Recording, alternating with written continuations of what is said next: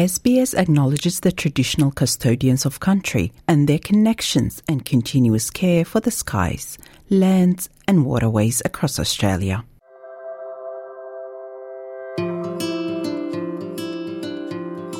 You're listening to Australia Explained, an SBS audio podcast helping you navigate life in Australia. Welcome to a new episode of Australia Explained. I'm your host, Maram Ismail. Today, we're going to talk about starting a business in Australia, which offers several advantages. There's a lot of grants out there. There's more than $70 billion that the government, in terms of state and local council, have available.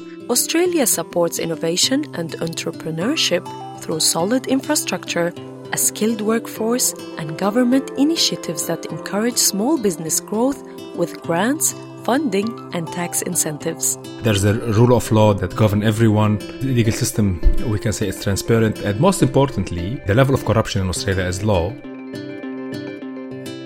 Australia's vibrant economy and supportive business environment provide an exceptional backdrop for entrepreneurs. Starting a small business here can be highly rewarding, whether you have a unique idea or a passion for turning it into a profitable enterprise. Nadine Connell is the director of Smart Business Plans Australia. She believes that Australia is one of the most accessible places in the world to conduct business. There's competitive tax rates. It's a simple GST system at 10%. It's simple ABN setup. There's a lot of government incentives out there through grants. I think there's more than $70 billion offered um, Australia wide. And there's really clear regulations and allowance for you to be innovative. Abdullah Abdullah, an economics analyst based in Sydney, asserts that Australia boasts a stable economy.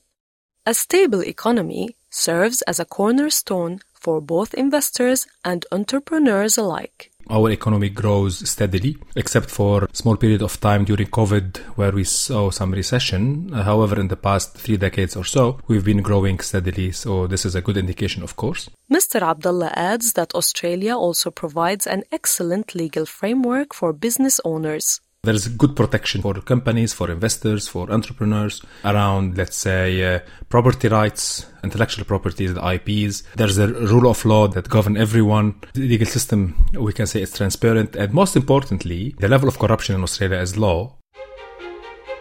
Before delving into business planning, it's crucial to understand the business structures in Australia.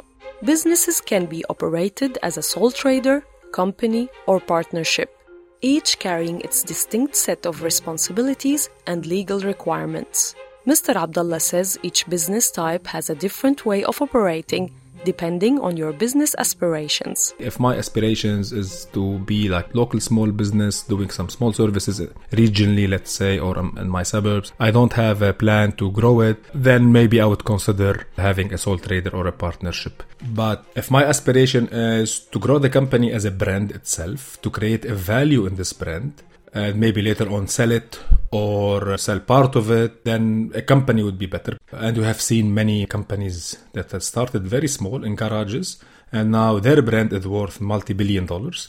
Once you've chosen your business structure, you must register your business and ensure compliance with local laws and regulations. Ms. Connell says it's a manageable process and plenty of resources are available to guide you. Most of the information needed to register as a sole trader and obtain an Australian business number, ABN, is available on your state's government website.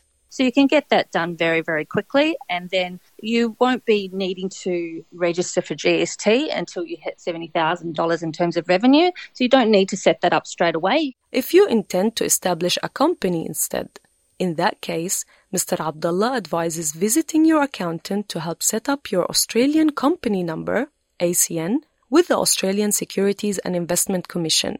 A number that would be unique for this particular business or company. This is from, from registration as legalities. Then we have to take tax into considerations. For companies, we have to register a separate tax file number. Remember, for sole traders, the business is linked to their own tax file number. There's no differentiation. But for companies, companies have to have their own TFN.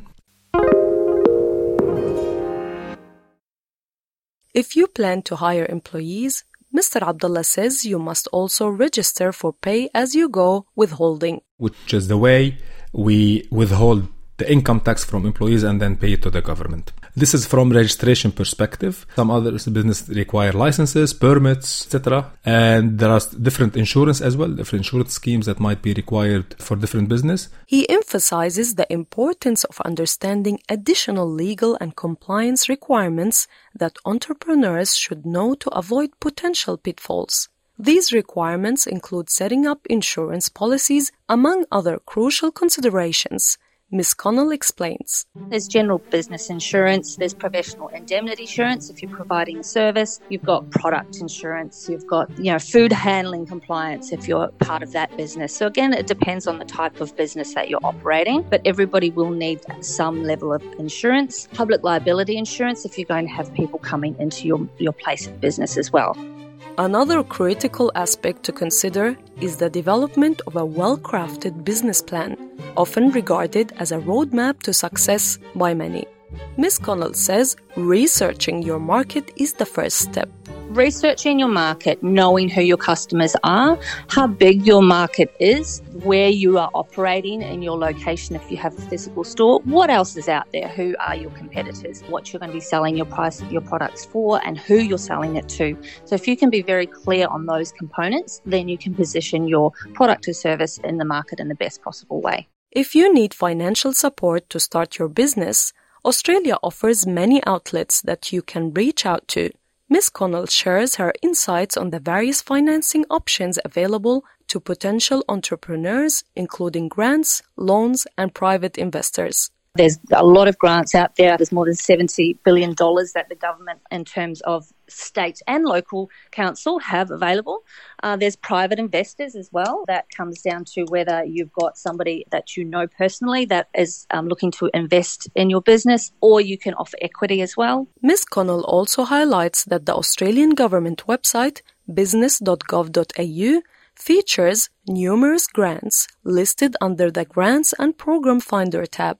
These grants cater to various industries, offering support and opportunities across diverse sectors. People can actually go and search through those, but then they also have state governments. All the state government websites have their own grants listed online as well, and then local council in your local LGA, they often have grants as well. You can reach out to your state department for more information. For example, Services New South Wales can guide potential entrepreneurs throughout the business startup journey. Cassandra Gibbons, the Executive Director of Service New South Wales Business Bureau, explains. Our business concierge service provides help for businesses finding information on financial assistance that is available for startup businesses across different areas of government and connects them with grants and rebates that they're available to them. She adds that each business concierge will talk to their customer and work out what might be available to them case by case and based on their circumstances. Ms. Connell advises you to take the first steps towards your entrepreneurial dream. Start researching, networking, and refining your business idea.